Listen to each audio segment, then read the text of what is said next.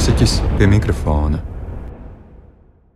Esiet sveicināti Latvijas Rādio 3 klasika podkāstā Mūziķis pie mikrofona, kurā dalāmies pieredzē un atbalstā un galveno akcentu liekam uz emocionālās un garīgās pasaules vērtībām. Vadītājs pie mikrofona ir Anna Marta Būravēs, savukārt mūziķis pie mikrofona šodien būs komponists Andris Dzenītis. Sveiks! Sveika! Andri, ar kādām emocijām tu pēdējā laikā sastopies visbiežāk? Ir pavasaris. ir diezgan uh, gaiši. Priecīgi, jā, siltāks varēja būt. Tās ir tās emocijas, kas šajā brīdī varbūt nāk galvā par to, ka jā, pērnais gads bija drusciņš citādāks. Un liekas, ka pavasaris iestājās ātrāk un uh, iestājās arī pandēmija, un tad mēs visi mukām, kur nu kurēs, cits ieslēdzās savos dzīvokļos, tāds kā es. Um, otrajā dienā pēc uh, visa šī sākuma bija ārkārtīgi priecīgs un sapratu, ka es tagad, tagad es viss beidzot varu braukt uz laukiem prom pavisam un nekad neatgriezties. Un, jā, un tas bija pavasaris. Jā, šogad tas pavasaris ir drusciņš tāds, varbūt savādāks. Arī tīri meteoroloģiski, kā jau mēs redzam. Noteikti arī šodien pavasaris ir citādāks tam dēļ, ka ļoti daudz ir pieraduši pie visa šī pandēmijas trakuma. Jā, pagājušajā gadā tu varēji tiešām atpūsties laukos, tad šobrīd noteikti ar visiem darbiem, gan kompozīcija, gan pedagoģija, ar ko nodarbojies tas ir citādāk, vai ne? Es domāju, ka visi ir noguruši no šī, un noguruši jau noteikti ir stipri sen, un tāpēc varbūt ir tāds zināms hauss tajā visā vērojams, jo skaidrs, ka ir ļoti grūti turpināt šādā režīmā, un tad nu, gribās dikti tās terases, un gribās dikti tos pārciņus un sportiņus, un, un īstenībā jau visu to, ko it kā vienmēr varēja darīt, bet nu, gribās socializēšanos, un, protams, ka robežu pārkāpšana ir arī tāda tīri cilvēcīga. Un kā tev ir ar, piemēram, nezinu, kaut kādiem cilvēku pūļiem, vai tev ir nedaudz citādāk tagad atrasties, nezinu, uz ielas starp vairākiem cilvēkiem, kas nav varbūt tikai viens, divi?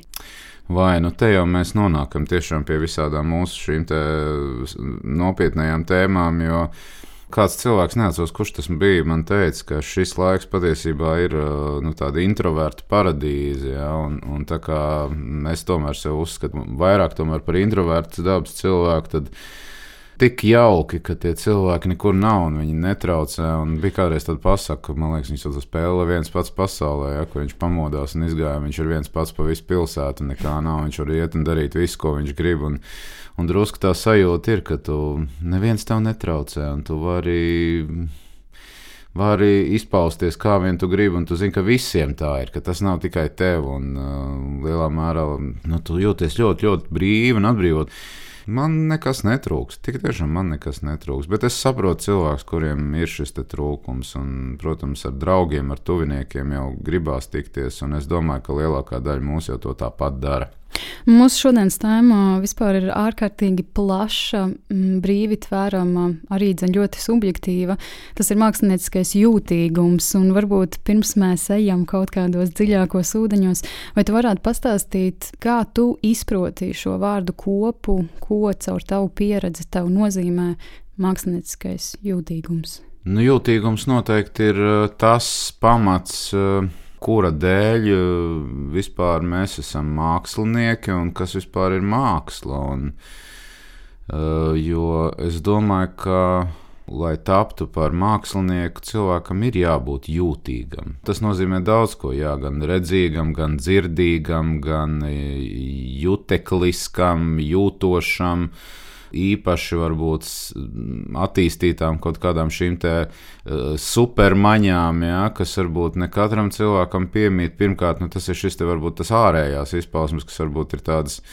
Mm, nu, samērā pozitīvs, ja, ka tie ir cilvēki, kas varbūt redz lietas, vairāk dzird lietas, vairāk uh, kaut ko spēj saklausīt, varbūt tur, kur cits neko tādu nesaklausa vai neierauga.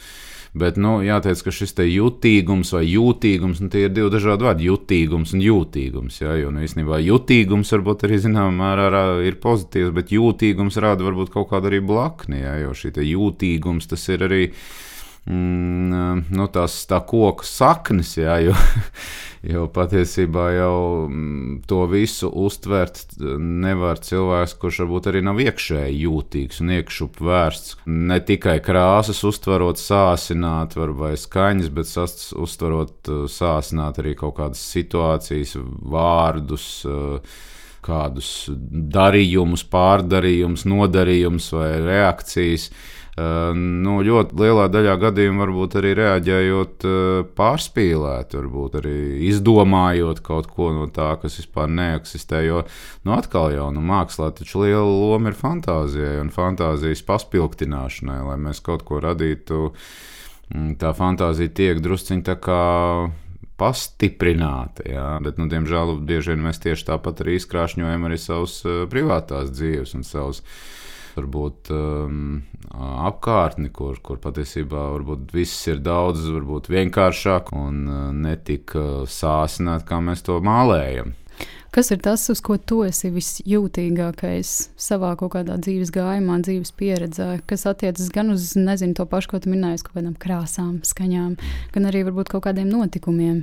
Nu, tad tiešām droši vien var par visādiem līmeņiem runāt un domāt. Uh, par šo jūtīgumu. Nu, protams, ka tā kā mana pamatprofesija ir mūzika, tad tomēr, protams, ka tās ir skaņas un kaut kāda iekšējā šī skaņu dzirde. Nu, es nevaru teikt, ka es, es būtu no tādiem cilvēkiem, kurus ļoti iedvesmo no kaut kādas, nezinu, putnu čivināšanas vai, vai, vai, vai dabas, nu, kā kur reizē, dabas skaņas. Vai, bet es, es esmu ļoti jūtīgs uz skaistu mūziku, piemēram, ja, un es esmu stipri un sentimentāls cilvēks. Lai kā tas varbūt kādreiz neliktos, es esmu samērā raudulīgs cilvēks šajā nozīmē. Ja, man ir diezgan viegli pavilkt uz emocijām ar visnotaļ sentimentālu mūziku, piemēram. Ja. Jā, tieši, tieši dažādas šādas emocionālas sakāpinātības mākslā, kas uh, kino vai, vai, vai nu, teātrī, vienalga, ja, kas spēja tiešām padarīt šo iekšējo rezonanci tādu stiprāku, pastiprināt, padarīt viņu kādreiz varbūt pat uh, par lielu, lielu pārdzīvojumu.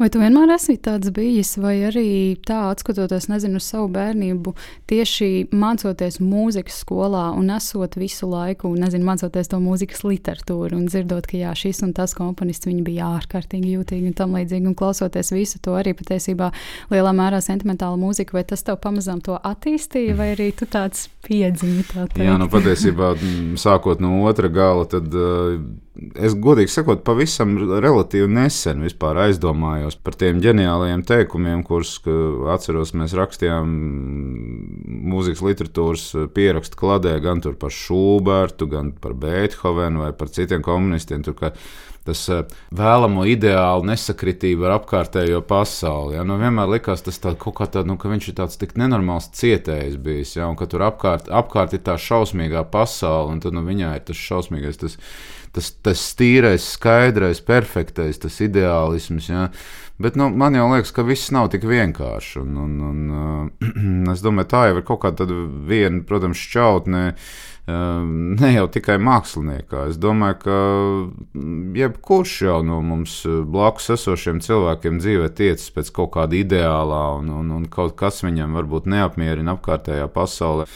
Bet kas attiecas uz mani, tad. Uh, Es atceros, man bērnībā mamma kā tādu joku rādīja draudzenēm, un, un, un kādreiz kaut kur ciemos, kad lika man novilkt krēslu un parādīt to, ka man ir uh, asinsvadu principā nu, pāri kurš krūš, kuriem kā pasaules kārta. Viss man principā saka, man sirds ir ļoti tuvu ādai, un tas ir īstenībā gan burtiskā nozīmē, gan arī nu, tādā emocionālā nozīmē.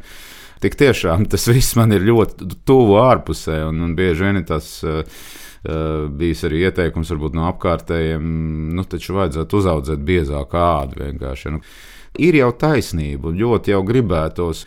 Citreiz liekas, ka būtu tik labi dzīvot tādā taisnprātīgā pasaulē, savā pasaulē, kur eh, nu, tu tā kā tāds tanks ej uz priekšu un nekas apkārt tev neinteresē no tā, ko domā citi, vai ko runā citi, vai kā, kā tu jūties šajā pasaulē. Bet tas jūtīgums man ir bijis vienmēr. Un, uh, redz, es jau esmu arī tomēr eh, ne gan ļoti ilgi, bet nu, tomēr pēdējās padomju laika desmitgades bērns. Un, uh, Kaut kā šis te varbūt arī tāds režīms un vajadzība vispār būt priekšzīmīgam, vajadzība būt labam, pareizam, Viens ir varbūt šī vide, kādā tu esi audzis, otrs jau, protams, ir kaut kāds varbūt vēl dziļāks saknes, kuras, kuras ir grūti izprast, jā, un, un pie kurām tikai pamazām tu nonāc kaut kādā zināmā vecumā. Nu, man arī, protams, nav bijusi viegla bērnība arī ar to, ka nu, es esmu audzis bez tēva. Mm, līdz ar to nu, man šī būšana ar māsu un ar mammu lika man tomēr kaut kādā veidā arī visu laiku sev pierādīt. Nu, arī līdz tādam momentam, varbūt, kas arī, es domāju, kādreiz nodara lielu um, labumu, bet vienlaikus arī kaut kādu lielu ļaunumu, ka ir tāds viens brīdis, kad tev sāk pievērst īpašu uzmanību, un, un uh, no tevis ļoti gaida kaut ko. Īpaši, ja tu esi ļoti, ļoti jauns. Un, uh, Es domāju, daudz mūziķi to ir piedzīvojuši. Tie saucamie brīnumbērni, jā, vai, vai nu, es varbūt sevi neuzskatu par brīnumbērnu, bet vienkārši nu, man ļoti labi paveicās. Bet jā, tie kaut kādi 16 gadi, kad tev pēkšņi tev ceļ tādā saulītē un par tevi tik ļoti interesējas un no tevis gaida visu ko jaunu un gaida, kas tā no tevis būs. Un tad tev jau ir 20, 25, un tad pēkšņi tā uzmanība no tevis novēršas, jā, jo tāpēc, ka tu jau vairs neesi jaunais brīnumbērns. Un tas kaut kā arī nu, zināms, ka diezgan daudz šādu brīnumu bērnu ir teikt, vienkārši sakot, aizgājuši pa pieskari, jā, vai, vai, nu, vai nu psiholoģiski, vai nu arī vispār pametuši. Es vairāk zinu šādus paraugus, kur ir vienkārši pazuduši no mākslas. Jo, mm, Viņiem šī eifórija, kas saistījās ar to nenormālām gaidām, kā no brīnuma bērna, ir pārgājusi, un, un pēc tam jau nu, cik tad var un cik tu vari tajā vecumā augt un augt un, un visu laiku piepildīt kaut ko. Nu, ne, neslēpsim arī, ka es mācījos skolā, kurā savulaik bija absolūti veselīgi un tika uzskatīts par normu konfrontēt klases biedrus kā teiksim, nu, tas, kurš no jums tad ir labāks? Jā, un, un to runāja tādā atklātā tekstā, ja, ka nu, beig beigās tu gandrīz ar savu kolēģi vairs nerunāji, jo nu, jūs esat tik ļoti kaut kādā veidā sabīdīti kopā, ka Nu, dažādas šādas situācijas, kuras nu, nu, nu, rada to kaut kādu zināmu stresainumu, kas, kas varbūt dzīvē ir. Un, un, un, nu, mēs jau varbūt varam runāt par to, ka var taču to visu mierīgi uztvert. Tā, bet nu, tā jau ir tā tēma. Ja jau tas viss būtu tik vienkārši mīļie cilvēki, tad mēs īstenībā šeit nerunātu. Ja, ja, ja darētu šīs skaistās receptes, ja darētu šīs brīnišķīgās pašpalīdzības grāmatas, kuras var nopirkt biezā slānī un krat, kratīt galvu, lasot visu, jā, un baltu patiesību, bet pamēģināt to realizēt dzīvē. Jā. Ir lietas, kuras mēs nevaram izmest no savas atmiņas, no savas dzīves. Mēs nevaram vienkārši vienā dienā tam pārsvītrot pārsvītru un teikt, nu viss, tagad es sāku citu dzīvi, vai nu, tagad es saņemšos. Mūziķis pie mikrofona. Klauds minēja um, 16 gadu vecumā par to brīnumu bērnu saucamo. Tas bija mācoties dārziņu skolā tieši saistībā ar kompozīciju. Nu jā, man bija tāda arī situācija, ka jā, īstenībā 16 gadu vecumā vēl jau vairāk es uh, kļuvu arī apaļš bārens. Tieši tajā pašā gadā, nu, kaut kā tur, es nezinu, tā iekšējā visa tā enerģētika, nu, zin, kā varbūt kādreiz arī saka, ka cilvēkam ir kaut kāds priekšnojauts par kaut kādām smagām situācijām dzīvē. Un es, es biju toreiz sācis rakstīt tādu pašam, vēl joprojām apbrīnojami. Apbrīnojami pārlādētu emocionālu skaņdarbu. Man bija tāda uh, vīļu sonāta. Un, uh, jā, es pats biju ļoti pārsteigts par to, kas no, kas no manis tur nāk ārā. Un, uh, Toreiz es noriskēju, būdams 16 gadu vecs, un, un tikko gadu nomācījies dārziņu skolā, vai pat nebija vēl gads, iesniegt šo skaņdarbu Komunistu Savienība rīkoja tādu kompozīciju konkursu kamermūzikas, kas bija anonīms un kur varēja iesūtīt notis. Nu, vajadzēja iesūtīt notis bez vārdiem un uzvārdiem. Jā, un es iesūtīju šīs notis un uh, vēr vaļā tās aploksnes uh, komisija beigās. Un, ne, nevis vēr vaļā, bet nu, izvēlās šos darbus. Un tad nu, man vēlāk atstāstīja, kad mēģināšu minēt, nu, kurš to būtu varējis rakstīt. Nu, tur staucot dažādas uh, pazīstamas latviešu komponistu vārdus. Tad bija atvēruši aploksni un ieraudzījuši, kas, kas tas ir. Jā. 16 gadi. Jā. Jā, un, un tad kaut kā man pievērsās tāda pastiprināta uzmanība. Tas bija tāds brīdis, kad tika pievērsta pastiprināta uzmanība, un es zinu, ka man mūzika ne tikai Latvijā skanēja, es zinu, ka sūtīju šo darbu visur, kur un Gija Kančēlī viņi bija dzirdējis un slavējis, un, un, un Londonā BBC man spēlēja šo darbu, un tik tā, ka man, nu, man bija laikam nepilni 18 gadi, kad man skaņdara pasūtīja Varšavas rudens um, polijas festivāls lielais. Un, um, Un tas bija jāteic, man tāds pirmais aplausiens. Jo pirmkārt, jau arī šī situācija nelieksimies. No 16-gadīgam džekam drusciņš sakāpja galvā. Nu, tur neko nevar darīt. Nu, kaut kāda tāda sajūta, nu, tagad es esmu komponists, ir jā. Bija tāda situācija, ka es mācījos Vīnē, un uh, es biju sasmēlies un pārsmēlies uh, Rietumē Eiropas modernismu, un jaunas informācijas, un, un festivālu, koncerti, operas, viss, kas, kas tikai nebija. Un, Un es domāju, ka nu, man šis stils, kādā es rakstu, īstenībā vairs neinteresē. Ja? Un, un, nu, nevis neinteresē, bet es gribu kaut ko pamēģināt citu. Nu, lūk, man bija šis Varšavas rudeņa pasūtījums, un es uh, skaņdarbā divām klavierēm un citiem instrumentiem atļāvos izmantot kaut ko pavisam savādāk. Festivāla konkrētais kurators man aicināja uz bāru, Un varētu teikt, nolasīt tādu diezgan skarbu lekciju par to, ka vispār mēs bijām gaidījuši no tevis kaut ko tādu kā viesonātu. Jā, es, es biju pievīlis kaut kādu mārketinga cerības, jā, jo tas es tajā brīdī saskāros pirmo reizi ar to, ka, ka no tevis vēl kā ārā kaut kādu sulu, kur tu nemaz īsti negribi dot. Kāds bija tās tavas pirmās sajūtas, ka, jā, wow, pēkšņi tu esi tik ļoti augstu novērtēts, vai tu vari salīdzināt, jā, tās domas, varbūt, un sajūtas, kas bija toreiz, un kā tu uz to paskaties tagad, šodien?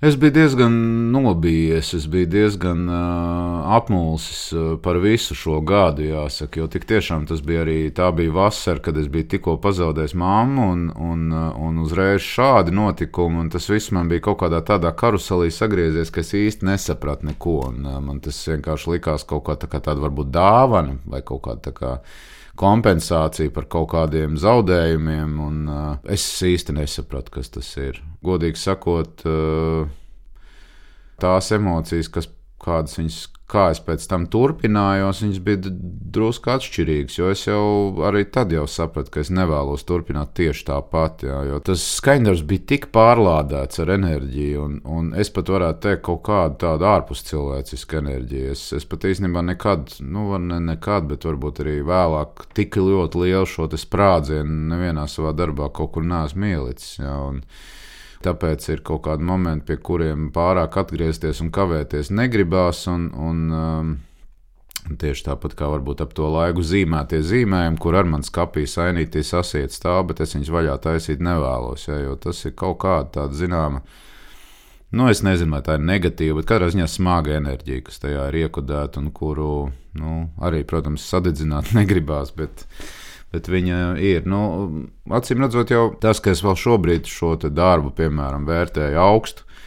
Atšķirībā varbūt no dažu labi citu vēlāk rakstītu darbu, kur varbūt man ir zināma kritika par to. Un, un, um, Es domāju, ka tas liecina to, ka šis, te, šis te punkts manā dzīvē ir kaut kāds zināms sākuma punkts.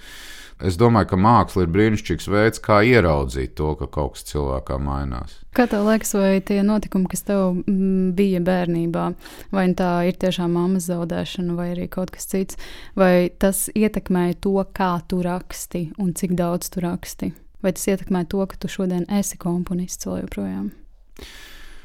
Es domāju, ka māmas zaudēšana tas jau bija mm, tomēr pieauguša cilvēka brīdis. Tas vienkārši bija tomēr traģisks notikums, bet uh, es drīzāk domāju, ka tēva zaudējums, jā, tas, tas drīzāk. Un, uh, un tas jau ir tas vecums, kad uh, es neko neapzinājos un neko īsti nesapratu, jo man bija četri gadi.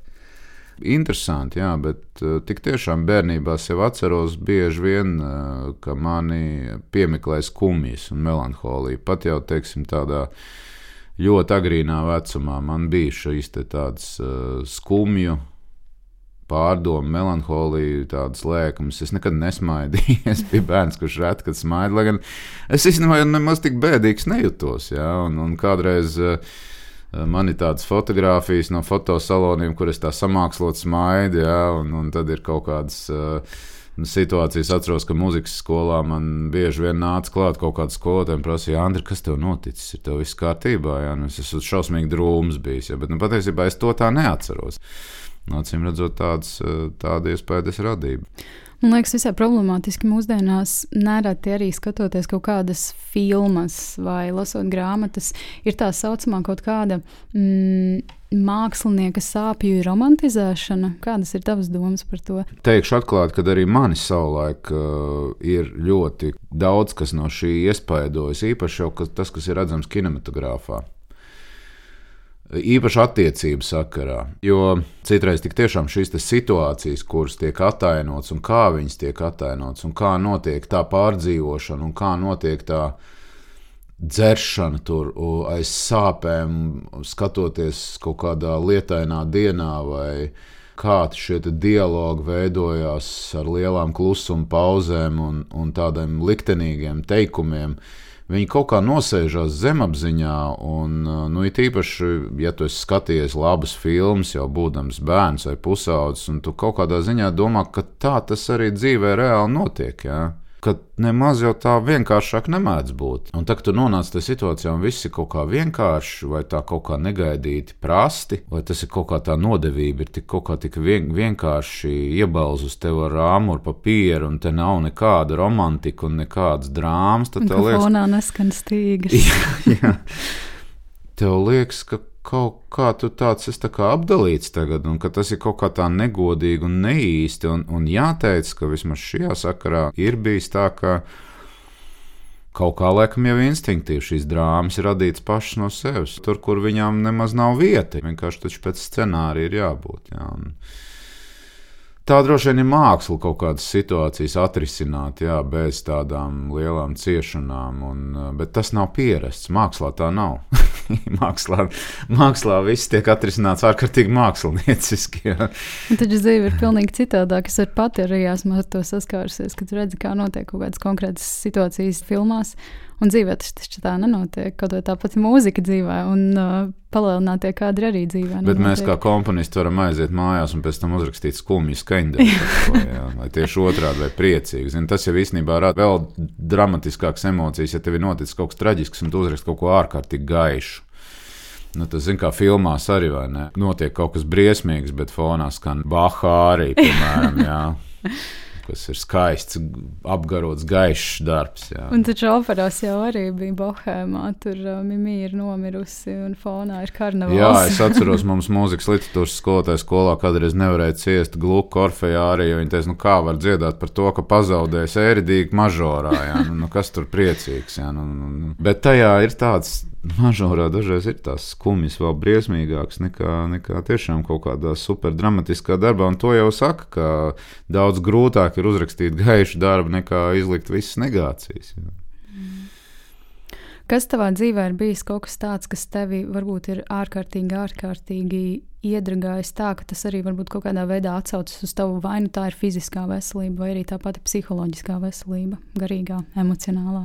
Nu, mēs jau runājam par jūtīgumu. Šī jūtīguma pieskārieni, dažādi ārēji meteorītu trāpījumi, viņi jau rada visas šīs blaknes un nevajadzīgas virzienas un nevajadzīgas izvēles un pārsteidzīgas izvēles. Es esmu bijis cilvēks, kuram vienmēr ļoti ir ķērusi jebkāda kritika.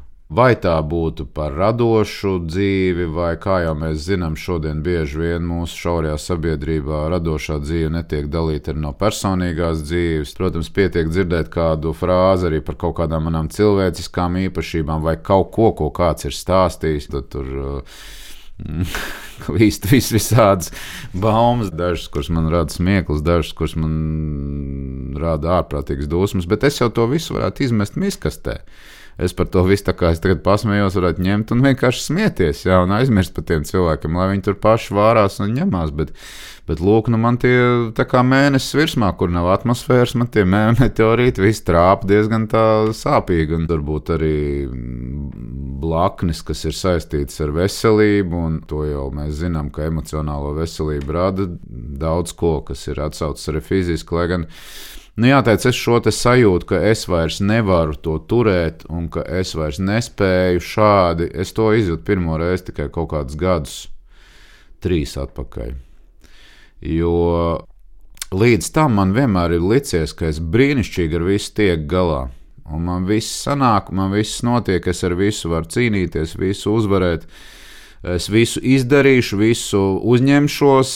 Man bieži vien ir apkārt cilvēki, tīri par manām ikdienas aktivitātēm, arī apbrīno, nu, kā es spēju tik daudz darīt. Jo es tiešām biju sagrābies visu, ieskaitot četrus darbus, un kompozīciju, ģimeni, visādus papildu projektus.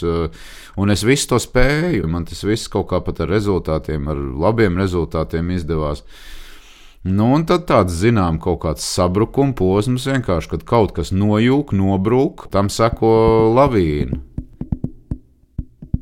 Četri darbi, kompozīcija un sazina vēl kas klāt.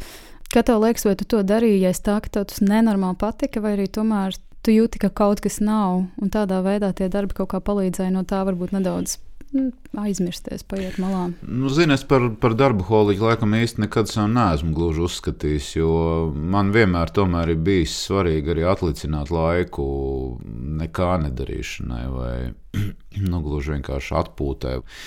Bet kaut kāds tāds eh, sports, sportiskums tajā iekšā varbūt bija. Nu, varbūt mazākā mērā kaut kur vēl ir joprojām, ka es varu gandrīz tieksme pēc rekordiem, vai es to varēšu izdarīt, vai es to nevarēšu. Nu, Zināmā mērā tā ir kaut kāda atkarība. Un, un tā kā es sev uzskatu par atkarīgu cilvēku un par atkarību cilvēku, tad man ir šīs atkarības no ļoti daudz, kā tā skaitā, piemēram, arī kaut kādās sporta lietās. Nu, var taču, piemēram, nobraukt ar riteni 10 km, bet man tas nav interesanti. Man gribās zināt, vai es varu nobraukt 50 jā, vienā piegājienā augsts laiks, man gribās iet peldēties, jo es taču gribu saprast, ka to taču var izdarīt. Ja? Nu, tā ir tāda, zināmā mērā, tomēr tā ir šī atkarība. Ja?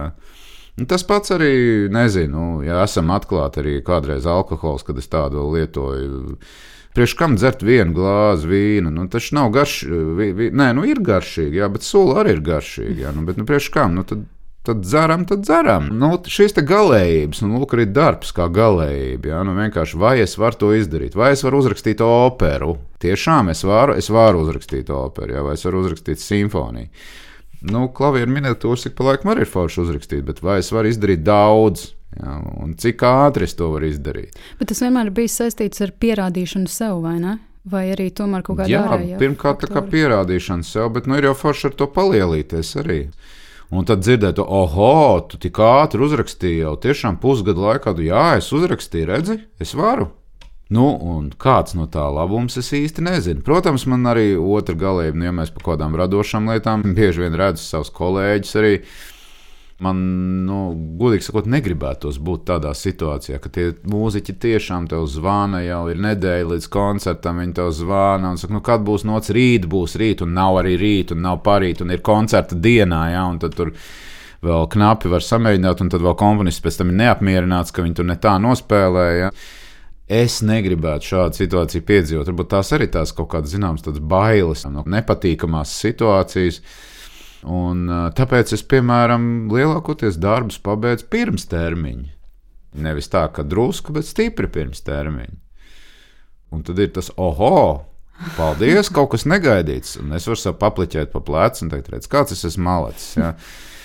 Nē, nu citreiz jau ir tā, ka tā iedvesma tiešām nāk, ja, un, un es īpaši viņu nebremzēju. Ja, tad, ja man liekas, ka es to varu izdarīt ātri, man labāk to ir izdarīt. Uh, Bet uh, citreiz arī nav kur steigties. nu, gan te varbūt arī jāteic tā, ka es laikam piedaru arī pie tiem komponistiem, kuriem patīk strādāt ātri arī tā iemesla dēļ, ka es neaizmirstu savu domu.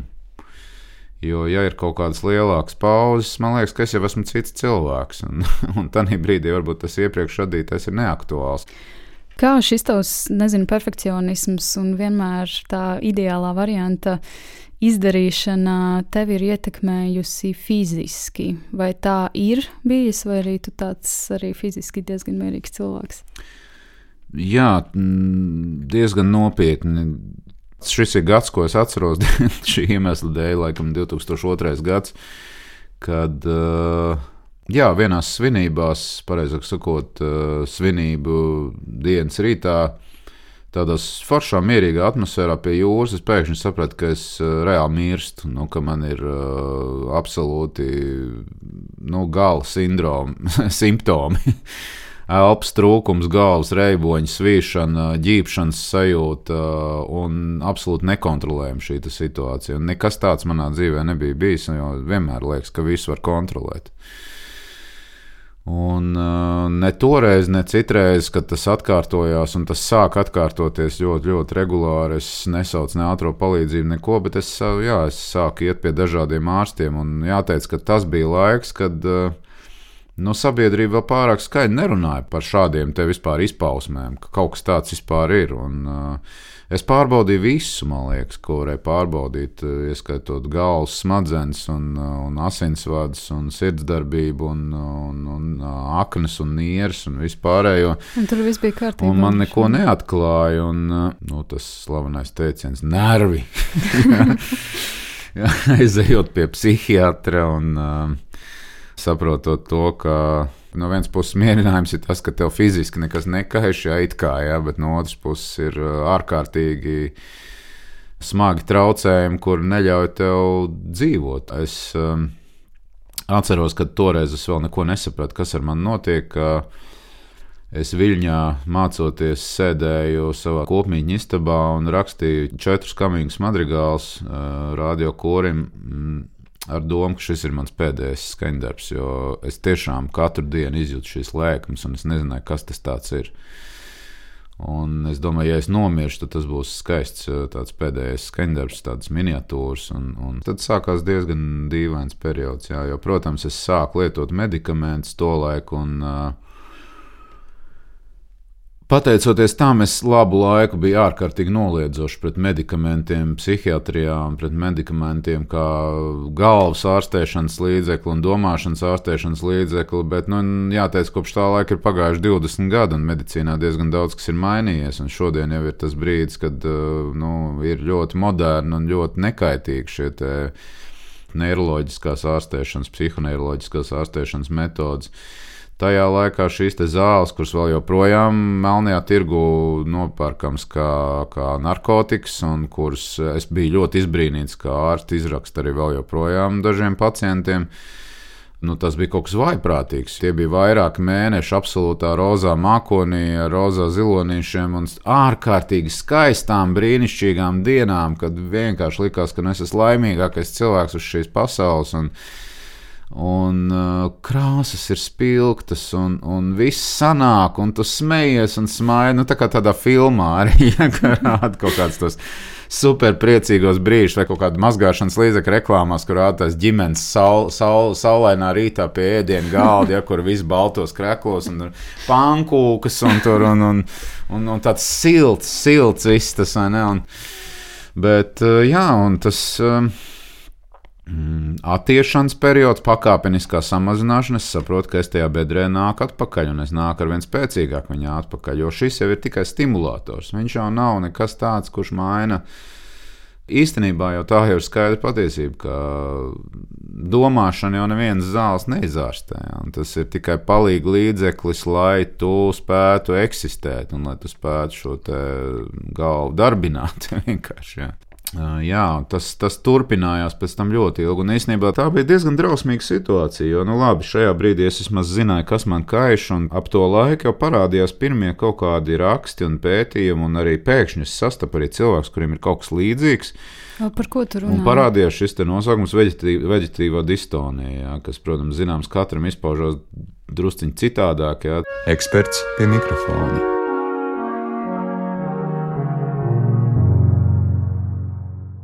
Veģetatīvā distonija tad ir cilvēka ar mm, vienkārši jutīgāku nervu sistēmu. Un var teikt, pret kaut kādiem stimuliem, kas kādam citam cilvēkam ir pat nepamanāmi, šis cilvēks, kurš ir jutīgāks, reaģē intensīvāk. Ja, var teikt, ka Viņš uzvedas tā kā zaķis mežā, ja? nevis kā lācis. Ja? Un zaķītim viss, katra, katra saules stariņa ņirboņi ir glābjas, kas var, glābjas, kas var.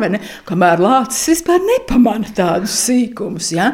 Un šajā veģetatīvajā distonijā ir cilvēki, kas jūt tādus pastāvīgus, nepatīkamus simptomus un ļoti bieži jūt panikas lēkmes. Ja? Tieši tādas akūtas lēkmes, kurās ir biedējoša sajūta, sajūta, ka es tūlīt nomiršu, ka es sajūkšu prātā, ka es nevaru kontrolēt sevi. Tad ķermeņa sajūtas var būt ārkārtīgi daudz dažādu simptomu, sākot ar to, ka melns gar acīm, džingsta ausīs, sausa mute, sirds klapējas kā negudra, trūksta elpas, vai sajūta, ka es esmu visu notirpusi vai nosvīdusi, vai tūlīt noģīpšu, vai nevarēšu paiet. Tad var būt ļoti daudz dažādi šie simptomi. Bet tas pamats ir tas, ka šī panikas lēkme sākas ārkārtīgi strauji, ļoti spilgti uzņem apgriezienus, ilgst apmēram 3, līdz, 3 minūtes līdz apmēram pusstundai, tad tā aiziet. Bet cilvēkam ir sajūta, ka viņš ir pārdzīvojis kaut ko drausmīgu, panikas lēkmē bieži cilvēki sauc ātrā palīdzību, jo viņiem šķiet, ka viņi ir slimi. Ātrā palīdzība saka, ka ar jums viss ir kārtībā, jums ir jāiet pie psihologa. Un uh, tie cilvēki, kas atnāk drīz pie psihologa, tiem var ļoti labi palīdzēt.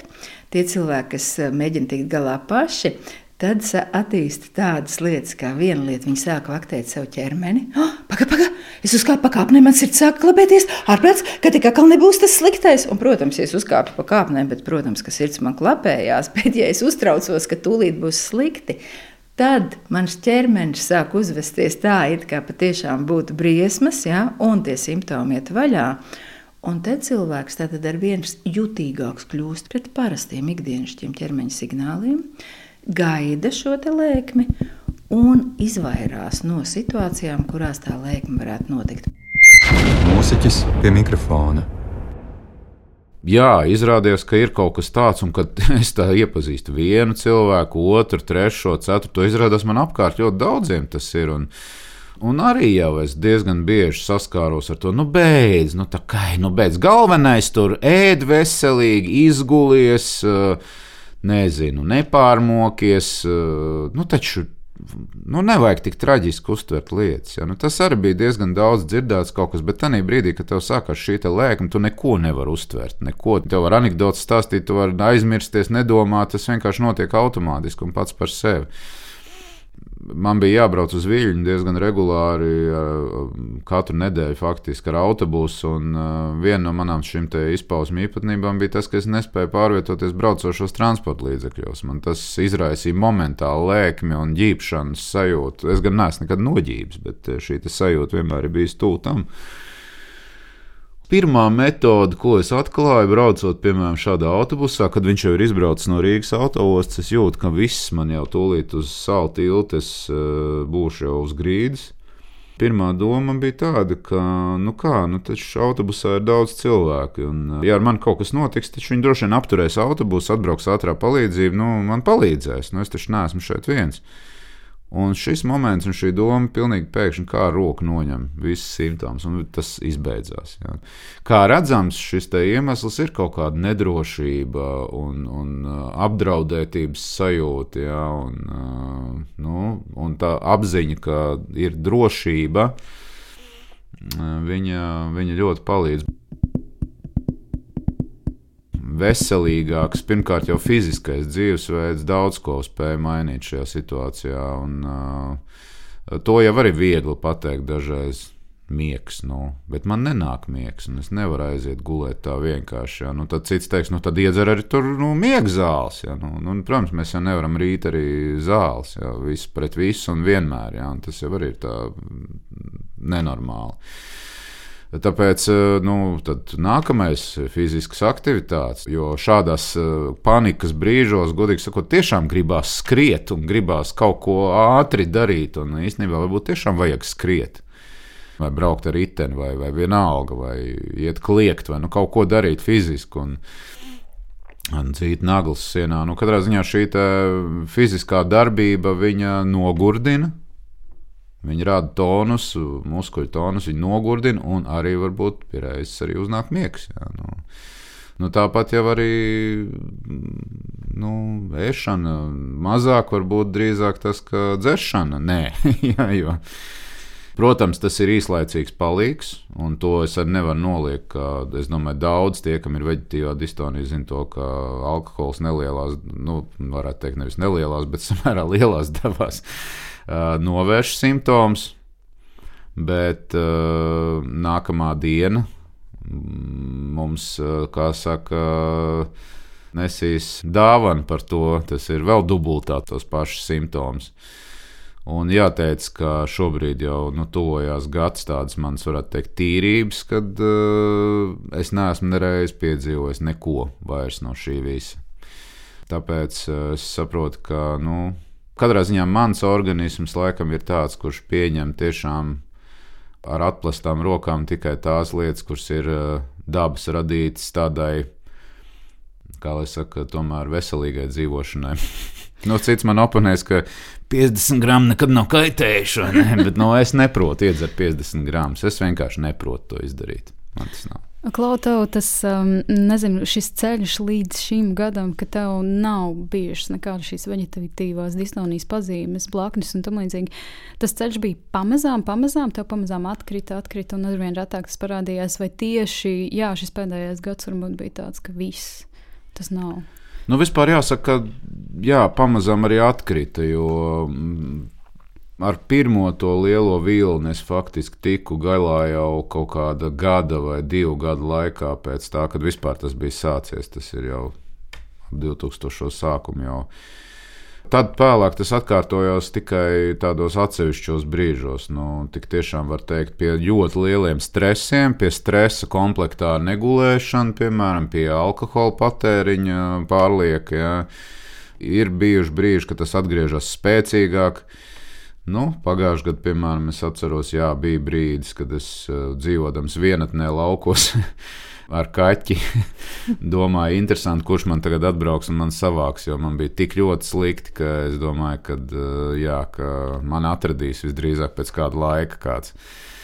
Bet eh, tāpēc ir ļoti, ļoti jāuzmanās. Mēs varam arī lasīt Facebook, ir brīnišķīgs fórums par eh, veģetīvo distoniju, kur cilvēki dalās katrs savā pieredzē. Un, gan tajā, kādām dabiskām metodēm katrs tiek galā, gan kādi simptomi, ko izraisa, gan arī to, kādas medikamentus vai kāds speciālists, kurš apmeklē. Nu, katrā ziņā tas ir, ir lieta, kur nevajadzētu atstāt bez ievērības kaut vai tā iemesla dēļ, kad mēs jau nezinām, vai tā ir tiešām šī veģetatīvā distonija, jo šādas izpausmes jau var būt daudz kam.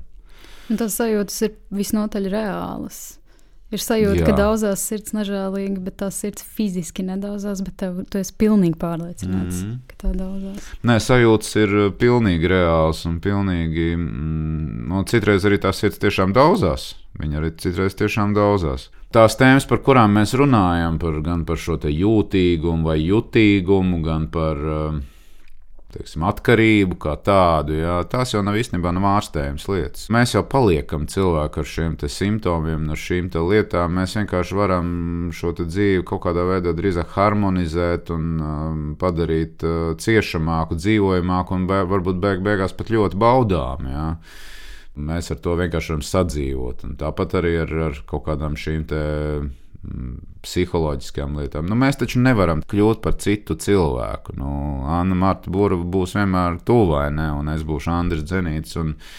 Es varu pārdomāt daudzas lietas, savā, savā attieksmē, savas uh, varbūt reakcijas, censties uh, izprast, uh, bet es nevaru kļūt par, par tevi.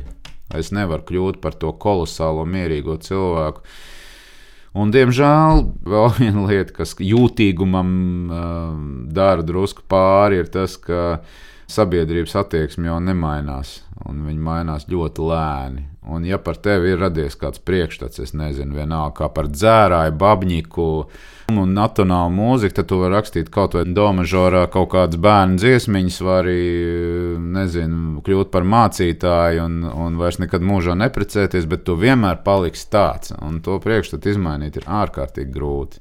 Bet varbūt beigās arī nav jāmēģina izmainīt tas priekšstats, bet vienkārši savs domājamais aparāts kaut kā jā. jāpārveido. Un to jau tu arī principā nedomāt. Jā. Jā. Pārveidot domājumu aparātu, paskatīties uz lietām no dažādām pusēm. Tas noteikti būtu vērtīgi. Klauta pieminēja arī mm, visādas fiziskās nodarbes. Kā tu atpūties? Kas ir tie vaļasprieki, kas tev tiešām dara priecīgu? Nu, man pirmkārt ļoti patīk darīt ļoti daudz ko. Un varbūt nu, kādreiz cilvēkiem, kas man seko sociālajos tīklos, liekas, ka es vispār esmu kaut kāds psihs, jo es daru visu iespējamo. Jā, un tad man tur ir uh, badmintons, tad man tur ir skrituļs līdzi, tad man ir ritenis, tad es gleznoju, tad es taisu pīpes, tad es dārzā ņemos. Nu, nu, tas viss, un tā viss ir taisnība, jo man ik pa brīdim gribās kaut ko citu, un uh, es īsti nevaru saprast, varbūt kādreiz man ir licies Nu, kā tas ir visu mūžu darīt kaut ko vienu? Ja? Nu, vai tur, nezinu, tur cilvēks glezno, un tad viņš brauc makšķerēt. Ja? Nu, tikai nu, tās divas lietas, kas viņam dzīvē ir. Ja? Un tas arī var būt. Nu, tad droši vien mēs varētu atkal tīt atpakaļ filmu, droši vien uz to visu, no, no kurienes tas ir audzis un cēlies. Ar tas, ka man jau no bērnības interesēja pamēģināt visu, ko es redzu. Nu, es redzu pa televizoru, ka cilvēks, nezinu, tur būvē vijoli. Es domāju, es taču arī varētu uztaisīt. Nu, Sākumā no kartona, nu, tur skatos, kā viņš to dara. Nu, pēc tam tur es nezinu, skatos, ka tur dārzā kaut ko tur zāģē. Nu, es arī tad iešu zāģēšanu. Nu, kaut kā man liekas, ka Nu, kā tas ir to darīt? Un man tas sagādā tādu dzīvi interesi, un šajā ziņā es jūtos vēl joprojām tādā drusku bērnu prātā, un es par to priecājos, ka man ir tas bērnišķīgā šī atklāšanas uh, sajūta, ka man vienmēr patīk kaut ko atklāt. Es zinu, ka man varbūt ir lietas, kuras man apniks, uh, bet es esmu pamēģinājis. Teiksim tā, sportam manā dzīvē varbūt nozīme tik tiešām tā pa īstam ir šo, šo gadu. Jo, godīgi sakot, sports man labu laiku arī bija tāds aizseks nedaudz. Um, aiz kā es aizslēpu varbūt savas vājības, kaut vai to, ka, nu, labi, tagad es esmu drusciņš padzērs, nu, tagad es pasportošu. Jā, nu, teiksim tā, ka ir, ir kaut kāds šis kompensācijas mehānisms, ja, ka liekas, nu, es esmu tik zems šobrīd jau nolaidies, ka man tagad vajag kaut ko tādu, kas man rada to redz, es taču tomēr esmu fiziski aktīvs.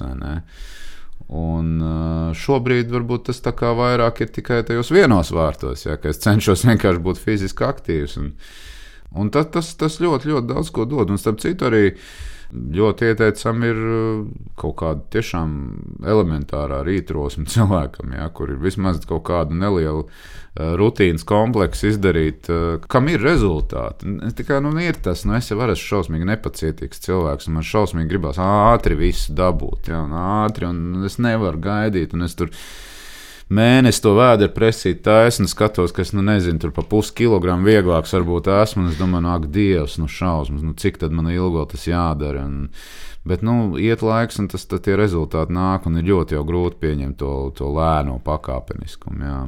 Bet visam ir vajadzīgs laiks, beigās, gan garīgajai, gan emocionālajai izaugsmai, gan arī tādam sportam. Bet, Klau, par ko tev ir bijis pašam vislielākais pārsteigums no visiem šiem nu, kaut kādiem tiešām vaļaspriekiem, ja mēs to tā varam uh, nosaukt, ka tu negaidīji, ka tu kaut ko tādu darītu?